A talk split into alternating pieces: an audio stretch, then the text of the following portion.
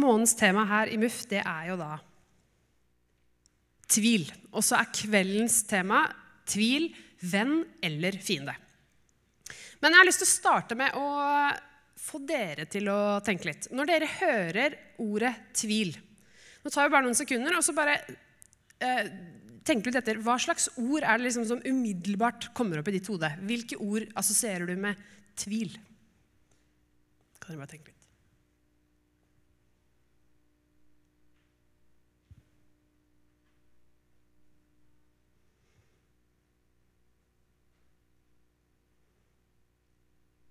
Ja, nå har dere tenkt litt. Er det noen som kan tenke seg å dele? Et ord som kom opp i hodet ditt? Tro? Ja. Mm. Vondt. Mm. Usikkerhet kom her, og så var det et eller annet ubehagelig. Sunt kom det. Var det det? Var det sunt? Ja. Mm. ja et par til. Sunt Synd Sunt? Er det jeg som er dialektforvirra, eller? Ja, kanskje. Ja, men bra. Mange, mange litt forskjellige ord. Ord som jeg kjenner igjen også fra, fra hva jeg tenker på med tvil. Og tvil det er et ganske komplekst ord, og vi bruker det, eller, vi bruker det også litt sånn i ulike sammenhenger i dagligtalen vår. Men jeg har likevel et inntrykk da, at når det gjelder å tenke på tvil og tro, og den kombinasjonen, så har ofte tvil en litt sånn negativ klang. At man oftere kanskje assosierer det med noe som ja, er negativt. Liksom litt sånn, Det er bedre å tro enn å tvile, f.eks. Altså og det stemmer kanskje. Vi får se etter min tale i dag hva dere tenker. Fordi jeg har i hvert fall lyst til å riste litt i den tanken. Hvis du nesten kun assosierer negative ord når jeg sier ordet tvil, så har jeg lyst til å riste litt i den tanken i dag. Og vise da at tvil det er også noe positivt. Så jeg kan si det med en gang. Mitt svar da, det kommer til å være venn. Og kanskje litt fiende. Liksom. Ja. Så det blir sånn litt sånn. Og jeg skal starte da med et eksempel. Fordi Se for deg at du rusler nedover Nei, da er eh, løsning to nikk. Ja, men jeg starter historien. Se for deg at du rusler nedover Karl Johan. Plutselig så kommer en person opp til deg med en klokke. Og nå skal dere se for deg at dette her som det ikke er, dette er en Rolex. Og personen kommer opp til deg og sier sånn Hei, hei, du, har du lyst til å kjøpe denne her Rolexen av meg? Du skal få skikkelig god pris. Wow, sier du. Nei, men så ålreit. Ja vel. Hvor mye koster den, da? Den koster 100 kroner. Wow, sier du. En Rolex til 100 spenn. Det er jo kjempemessig. Ja, sier den andre personen. Og jeg skal love deg, en ting til som er så kult med denne Rolexen. Du vet han der golfspilleren, han der Tiger Woods. Det er den han hadde på seg på fotoshoot. Og du bare Crazy, liksom! Det her er jo helt vilt. Skal jeg ha klokka til Tiger Woods etter dette lille møtet her? Nei, er ikke den reaksjonen du har, vet du. Fordi den reaksjonen der den hadde du kanskje hatt hvis du hadde alltid i møte med alle mennesker hatt en sånn innstilling at alle mennesker snakker sant. Jeg skal alltid tro på det folk sier, i god tro, og ha tillit til det folk sier. Mens mer sannsynlig da, i en sånn situasjon så tror jeg at istedenfor at du hadde liksom bare tenkt yes, tidenes kupp, så hadde det begynt å ringe noen bjeller. Det hadde begynt å komme noen spørsmål. Du hadde begynt å tvile litt på om det den personen sa, faktisk var sant. Fordi åssen kan det ha seg at en person selger en av verdens dyreste klokker på gata, og så skal du få den for 100 kroner i tillegg? Da må den jo enten sannsynligvis så er den fake, eller så er den stjålet. Hvis man bruker litt logikk. Og i tillegg da, at det skulle også vært klokka som Tiger Woods hadde brukt. Det er, det er for godt til å være sant.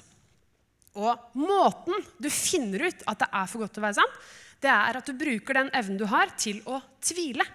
Til å ikke ta alt som blir fortalt deg, for god fisk med en gang. Til å stille spørsmålstegn for å finne ut om noe er sant.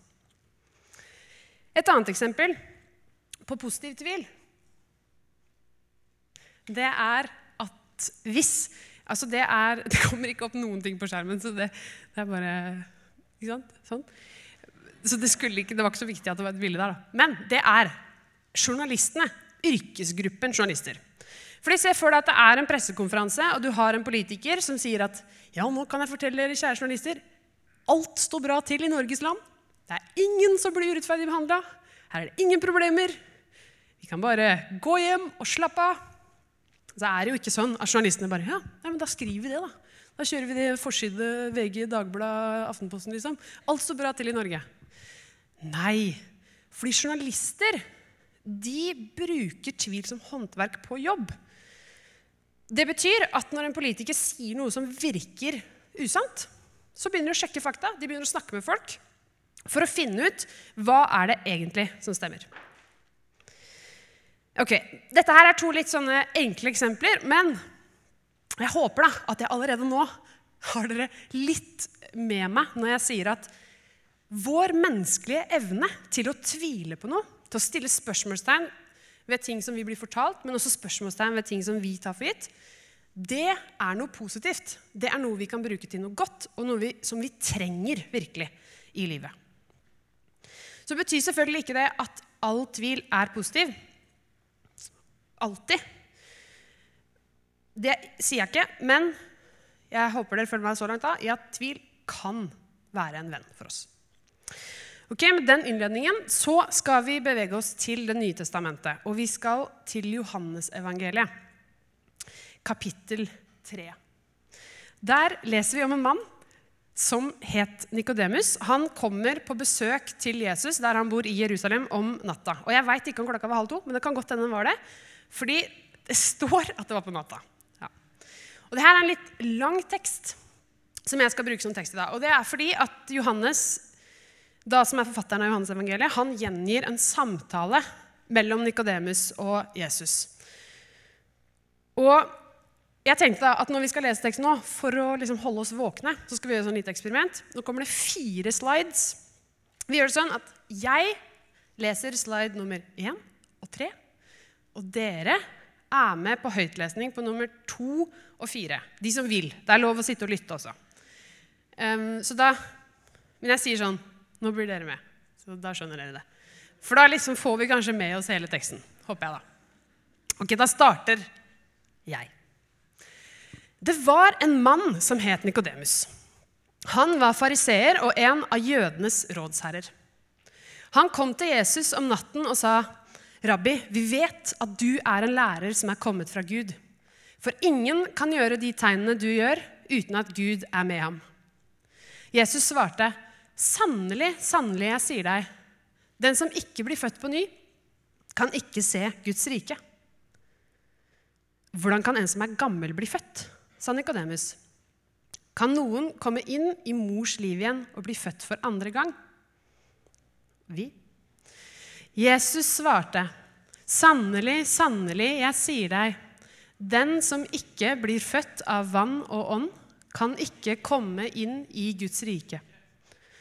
Den som er født av kjøtt, er kjøtt, men den som er født av Ånden, er ånd. Undre deg ikke over at jeg sa til deg, dere må bli født på ny. Vinden blåser dit den vil, du hører den suser, men du vet ikke hvor den kommer fra, og hvor den farer hen. Slik er det med hver den som er født av Ånden. Hvordan kan dette skje? spurte Nikodemus. Jesus svarte, du er en lærer for Israel og vet ikke det. Sannelig, sannelig, jeg sier deg, vi taler om det vi vet, og vitner om det vi har sett. Men dere tar ikke imot vårt vitneutsagn. Hvis dere ikke tror når jeg taler til dere om det jordiske, hvordan kan dere da tro når jeg taler om det himmelske? Ingen annen er steget opp til himmelen enn han som er steget ned fra himmelen, menneskesønnen, som er i himmelen. Og slik Moses løftet opp slangen i ørkenen, slik må menneskesønnen bli løftet opp, for at hver den som tror på ham, skal ha evig liv. Vi. For så høyt har Gud elsket verden, at han ga sin sønn, den enbårne, for at hver den som tror på ham, ikke skal gå fortapt, men ha evig liv. Gud sendte ikke sin sønn til verden for å dømme verden, men for at verden skulle bli frelst ved ham. Den som tror på ham, blir ikke dømt. Den som ikke tror, er allerede dømt fordi han ikke har trodd på Guds enbårne sønns navn. Og dette er dommen. Lyset er kommet til verden, men menneskene elsket mørket høyere enn lyset fordi deres gjerninger var onde. For den som gjør det onde, hater lyset og kommer ikke til lyset, for at hans gjerninger ikke skal bli avslørt. Men den som følger sannheten, kommer til lyset, så det skal bli klart at hans gjerninger er gjort i Gud. Yes, Sykt ambisiøst å prøve å ta hele den teksten i en tale. Så det skal jeg heller ikke gjøre. Jeg skal ikke gå like mye inn i alt. Jeg skal prøve å se litt på noe av det. En natt så kommer altså en mann dit Jesus er, dit han bor, og vil prate. Denne mannen, Nikodemus, han er en leder for folket. Han er fariseer, et medlem av rådet, som er en gruppe religiøse ledere som også har autoritet til å ta avgjørelser på vegne av jødene, på vegne av folket. Og Som en av fariseerne så er Nikodemus vant til å, og opptatt av å lede folket til Gud, lede folket til å gjøre Guds vilje og søke Gud. Men hvorfor kommer Nikodemus om natta? En veldig sannsynlig grunn det er at Jesus han har allerede på det tidspunktet her begynt å bli en veldig kjent person. Leser vi videre i Johannes evangeliet, så ser vi at det er absolutt ikke alle lederne og altså da Nikodemus sine kollegaer som liker det som Jesus både gjør, han helbreder folk, han gjør under, men heller ikke det han sier, og det han sier om Gud og Guds rike, det han forkynner. Sannsynligvis så kommer Nikodemus om natta fordi han vil holde det skjult at han tar kontakt med Jesus. Han vil ikke at det skal bli oppstyr ut av det. Kanskje han ikke vil ha kritikk. Og så er det da altså denne samtalen som disse to har. Og helt ærlig, jeg syns den er litt vanskelig til tider. Noen deler av den er ganske kryptisk, rett og slett. Det er mye som skjer. Men som sagt, jeg skal prøve å plukke ut noen, få, noen, noen ting som eh, som vi skal se litt nærmere på. Han starter med Nikodemus, altså. Det er liksom det i oransje jeg kommer til å fokusere på. Nikodemus starter egentlig med å liksom være eh, møte Jesus veldig respektfullt. Han, eh, han, prøver å, eller virker som han vil være høflig og respektfull, så han sier 'rabbi', og det betyr da lærer, og det er en ærestittel når Nikodemus bruker den på Jesus. Vi vet at du er en lærer som er kommet fra Gud. For ingen kan gjøre de tegnene du gjør, uten at Gud er med ham. Og Her så refererer Nikodemus til de offentlige tegn og undrene som Jesus allerede har gjort. Og Han anerkjenner at både han og sannsynligvis også kanskje flere av de religiøse lederne tenker at Jesus står i ledtog med Gud når han kan gjøre disse underne som han har gjort. Så han begynner veldig respektfullt. altså. Og så kan man da tenke seg han har kommet til Jesus på natta. Han har sannsynligvis et spørsmål på lager. Men det rekker han ikke å stille. Fordi Jesus han har noe han vil si. Så han kommer Nikodemus i for, forkjøpet og begynner å snakke om fødsel og sier Sannelig, sannelig, jeg sier deg, den som ikke blir født på ny, kan ikke se Guds rike. Og Da spør Nikodemus det han kom på å spørre da. Han sier ja, hvordan kan en som er gammel, bli født? Et ganske godt spørsmål. Men kanskje virker det som det er at han går litt i forsvarsposisjon. Eller kanskje er han virkelig bare veldig usikker. Hva er det egentlig Jesus snakker om? For her har han da kommet for å få svar på sine spørsmål, og så begynner Jesus å snakke om fødsler. Men Jesus fortsetter. Sannelig, sannelig, sier deg, den som ikke blir født av vann og ånd, kan ikke komme inn i Guds rike. Det som er født av kjøtt, er kjøtt, men det som er født av ånden, er ånd. Undre deg ikke over at jeg sa til deg, dere må bli født på ny. Vinden blåser dit den vil, du hører den suser, men du vet ikke hvor den kommer fra, og hvor den farer hen. Slik er det med hver den som er født av Ånden. Så Jesus sier da til Nikodemus at bare den som er født av vann og ånd, kan se Guds rike og komme inn i Guds rike, altså komme nær Gud, komme dit Gud er. Og så sier han da dette med at uh, han sammenligner det med vinden. Dette med å bli født på ny. Så kan han lure på hva er greia med det. Sannsynligvis så siterer Jesus her en tekst fra Det gamle testamentet som Nikodemus er ekspert på. Så Nikodemus skjønner sannsynligvis hva som foregår da. Og i den teksten, i Forkynneren 11,5, så står det Like lite som du vet hvordan vinden blåser, og knoklene dannes i mors liv, like lite kan du forstå Guds gjerninger, han som gjør alle ting. Så da, Som svar da, på det Nikodemus spør om, hvordan kan en som er gammel, bli født på ny, eller bli født ovenfra, som man da også kan oversette 'født på ny' til, så svarer Jesus det er bare Gud som kan gjøre det. Det er bare Gud som kan la noe sånt skje. Og akkurat som at vi ikke kan kontrollere vinden, så kan heller ikke vi mennesker kontrollere en sånn fødsel. Det er bare Gud som kan gjøre det. Det som ser ut for, for meg, da, det er at Jesus så, han gjør egentlig situasjonen litt sånn ukomfortabel for Nikodemus. Fordi det ser ut som han utfordrer ham, så sier liksom ok, du, du starta med å si at dere ser hva jeg har gjort, og pga. Det, det dere har sett, så tror dere at jeg står i ledtog med Gud. Men du kan egentlig ikke se hva Gud gjør, hvis du ikke er født på nytt eller født ovenfra, sier Jesus til Nikodemus. Han utfordrer ham. Og da kan man liksom spørre er det er det liksom en fornærmelse han prøver å komme her, Jesus. I hvert fall er det en tydelig utfordring, fordi Nikodemus er jo en av de religiøse lederne. Han er en av de folka som har dedikert livet sitt til å følge Gud, til å kjenne Gud, til å kjenne Guds lov og til å lære opp andre. Lære opp andre til å kjenne Gud. Og så sier Jesus at han mangler noe. Noe han ikke skjønner. Han er ikke født av Ånden. Han kan ikke heller da se, komme inn i Guds rike eller være der Gud er. Ok, Så Nikodemus er utfordra, og det virker som at han fremdeles ikke han skjønner ikke hva er det du mener. Så han spør da for tredje gang, egentlig. Så sier han sånn hey, Kan du forklare det en gang til? Han spør hvordan kan dette skje? Det spør han rett før her. Og nå sier Jesus som om ikke han utfordra Nikodemus allerede, så sier han du er en lærer for Israel, og du vet det ikke. Fikk du den?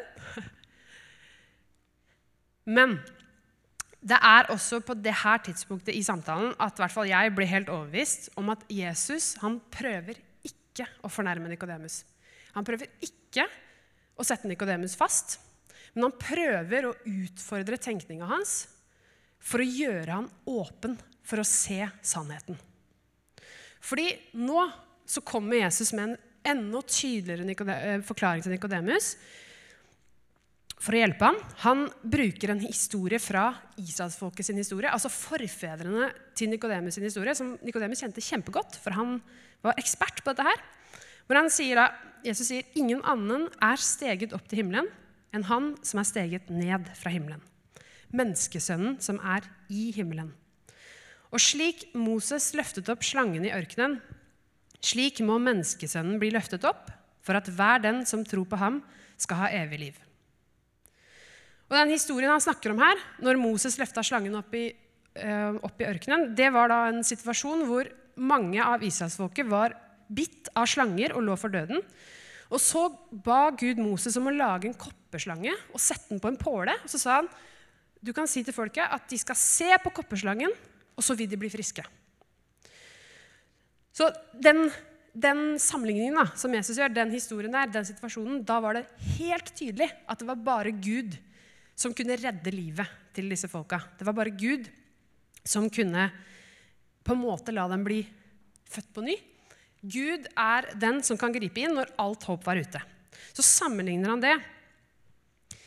Han sier at den situasjonen hvor Gud grep inn, som du kjenner til, Nikodemus Du vet hvordan det var. Det var bare Gud som kunne redde dem da. Så sier han sånn er det også med menneskesønnen. Han som er sendt fra himmelen. Da snakker han om seg selv. og Det skjønner sannsynligvis ikke Nikodemus helt på det tidspunktet her. Han som er sendt fra himmelen, han må også bli løfta opp. For at hver den som tror på ham, skal ha evig liv. Skal bli redda. Og Her snakker da Jesus om noe som ikke har skjedd ennå. For han snakker om korsfestelsen. At han sjøl blir drept for å ta på seg hele verdens skyld, for å vinne over døden, og for å åpne veien for fellesskap mellom Gud og mennesker. Men det han prøver å gjøre et poeng ut av for Nikodemus, det er at Gud er den eneste som kan skape et nytt liv i mennesket og ta, forvandle det sånn at det kan se Guds rike og være i kontakt og leve der Gud er.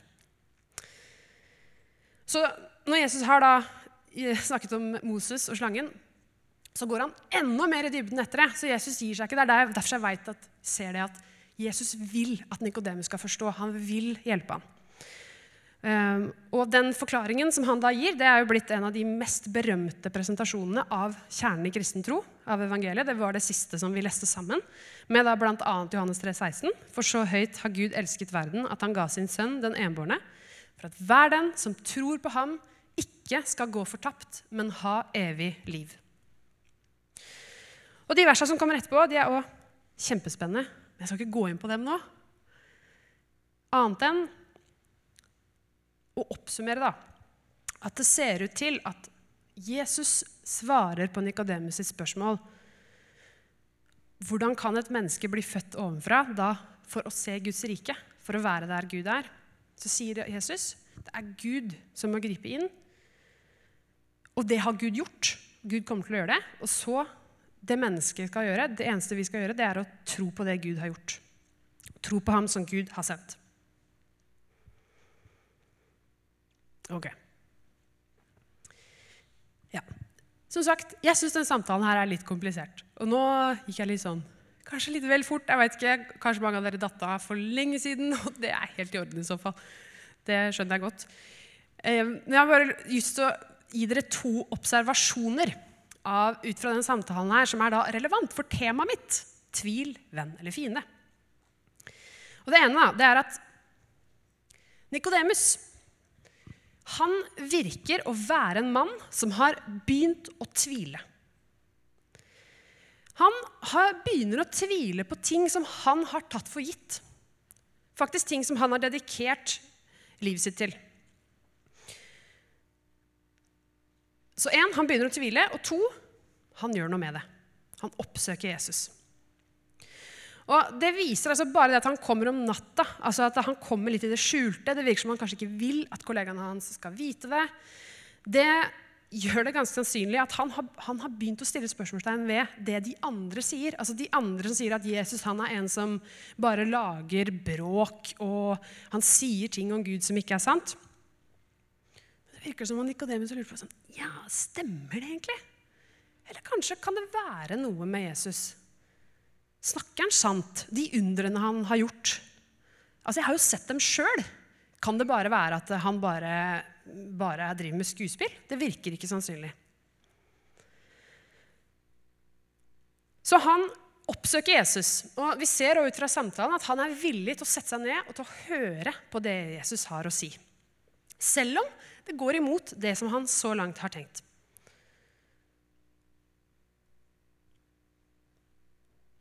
Det andre det er at Jesus, han jeg synes det virker som det, han gjør det, han utfordrer Nikodemus til å se på det han allerede vet. Og så, som da bl.a. er da Gammeltestamentet, som Nikodemus kjenner kjempegodt. Og han vet hva Gud har gjort i fortida, han vet hva Gud har sagt om hva som skal skje. Og Jesus sier, ok, se på disse tekstene som du kjenner så innmari godt. Er du villig til å følge dit de leder. Fordi de peker på meg. Og det Gud har gjort i fortida, nå skal han gjøre det fullt ut. Er du villig til å følge dit argumentene leder? Så når han sier at du er en lærer for Israel, og du vet det ikke, så utfordrer han Nikodemus på at han med sin kunnskap om Det gamle testamentet burde vite at det bare er Gud som kan forvandle mennesker innafra. Og han utfordrer Nikodemus til å tenke nytt, til å gjøre seg åpen for at nå handler Gud gjennom Jesus. Og så tar Jesus seg tid. Han tar seg tid til å snakke med Nikodemus. Til å prøve å hjelpe ham. Ikke for å sette ham fast, men fordi han virkelig ønsker at Nikodemus skal oppdage sannheten. Men så skjer det at etter denne samtalen, det siste verset vi leste, så bare avsluttes den samtalen. Og så sier ikke Johannes noen ting mer om Nikodemus da. Han sier ikke om Nikodemus skifta mening, om han ble enda mer usikker etter å ha vært hos Jesus, eller hva som skjedde. Ingenting. Men det er ikke siste gangen vi hører om Nikodemus. Det, det, er to ganger til i Johannes evangeliet. Den ene gangen så ser vi at Johannes forsvarer Jesus sin rettssikkerhet foran de andre religiøse lederne. Og den andre gangen så er det at Nikodemus er en av dem som tar Jesus ned fra korset når han er død, som steller den døde kroppen hans og er med på gravlegginga av Jesus. Og det er den hendelsen der som gjør at jeg vet at Nikodemus kom i prosess virker det som, til tro på at det Jesus sa, var sant. For Jesus var dømt for blasfemi, for å eh, vanære Gud, og for at det var eh, At det ikke var sant, det han sa. Så når Nikodemus velger å være en av dem som faktisk tar ned eh, den på en måte forræderen, så viser det at Nikodemus tenker noe annet om hvem Jesus er nå. Han har tydeligvis vært i en prosess hvor han har tvilt, men tvilen har ledet han til tro og til en ny tillit til hva som er sant, og en tillit til Jesus.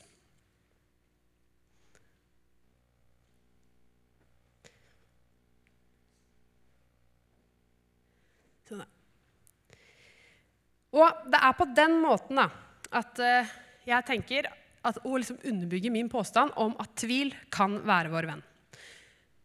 Tvil, evnen vår til å stille spørsmål ved det vi hører, men også ved det vi har tatt for gitt, det er en mulighet til å søke sannheten. Og når vi tviler på noe, så er det ikke poenget å bli sittende fast i spørsmåla, men det er å søke svar og finne ut hva kan jeg faktisk ha tillit til.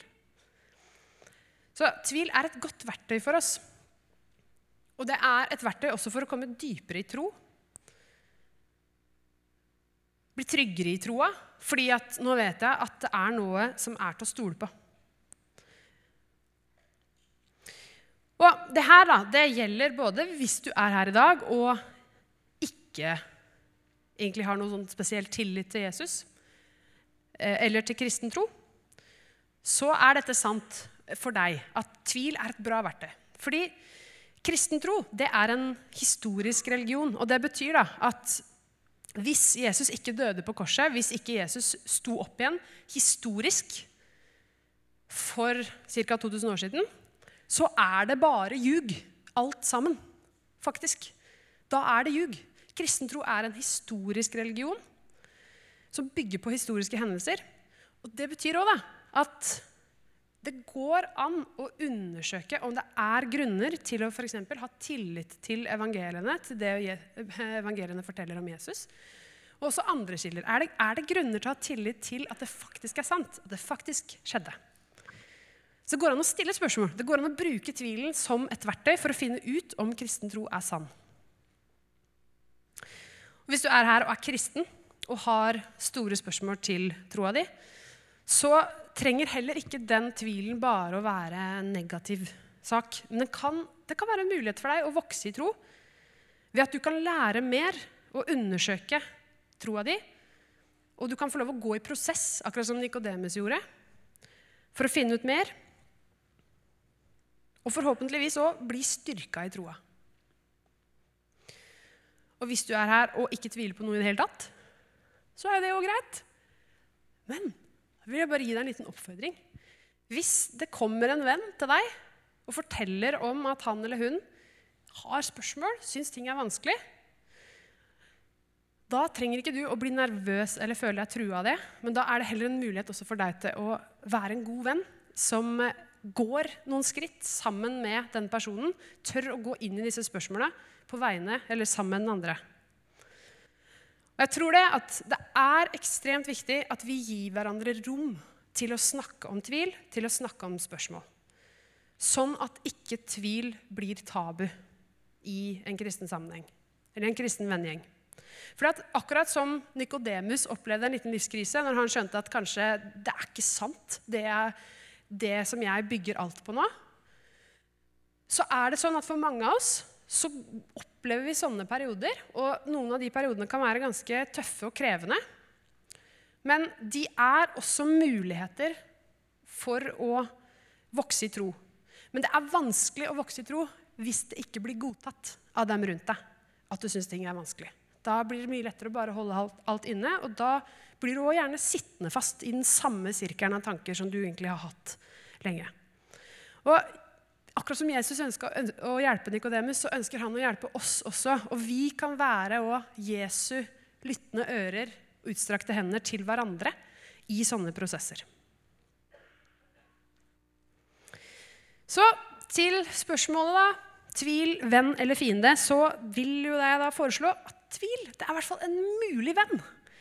Tvil er et verktøy som vi kan bruke, som vi kan bli venn med, for å søke sannhet, for å søke tro, for å søke tillit. Men nå, her på slutten så har jeg også lyst til å si at sjøl om jeg nå har på en måte, er litt sånn positiv, da, løfter opp tvilen som mulig venn, så vil jeg òg være den første til å si at tvil kan også være en fiende. Eller i hvert fall oppleves virkelig som en fiende. Og jeg har sjøl opplevd å leve mange år med former for tvil som jeg trodde skulle rett og slett knuse meg innafra, og som var kjempetungt å leve med. Men midt i alt det så blei det også for meg en mulighet til å søke sannhet, og en mulighet til å søke hjelp til å søke sannhet. Eh, og på et tidspunkt for en del år tilbake så tok jeg en liten timeout, en pause, satte livet mitt på vent, pga. At tvilen var så sterk og egentlig dominerte livet mitt så voldsomt eh, at jeg måtte sette livet på pause. Så reiste jeg til England, til en liten organisasjon som heter Labri Fellowship, for å jobbe med de spørsmåla jeg bar på, i et trygt miljø. For det var veldig tilrettelagt for det. Hvis du vil høre mer om det, så er det bare å spørre meg etterpå. Jeg elsker å snakke om Labri. Men poenget mitt det er at tvil det kan oppleves helt ok, men tvil kan òg være kjempevondt. Og begge deler er sant. Uansett så er det det vi trenger å gjøre med den, det er å ta den på alvor og dele den med andre. Og husk, da, folk kan ikke lese tankene dine. Så du er nødt til å fortelle hva du går og tenker på. Dele den med andre, dele den med Gud, så kan det bli en mulighet for oss til å søke sannhet og tro. Jeg har lagt noen sånne små lapper i, på den der infopulten. Den heter ikke det. Jeg vet jeg fikk høre hva den het i. Det har jeg glemt. I hvert fall der ute i hallen. Som er rett og slett noen eh, noen bøker som handler om tvil og ulike former for tvil. Som går liksom mye mer sånn i dybden på hva er tvil, og hvordan kan det se ut. Og også noen nettressurser. Så hvis du kjenner at dette her er noe som uh, du vil finne ut mer om, så går det an å ta med seg noen sånne anbefalinger for å finne ut mer. Da ber jeg til slutt.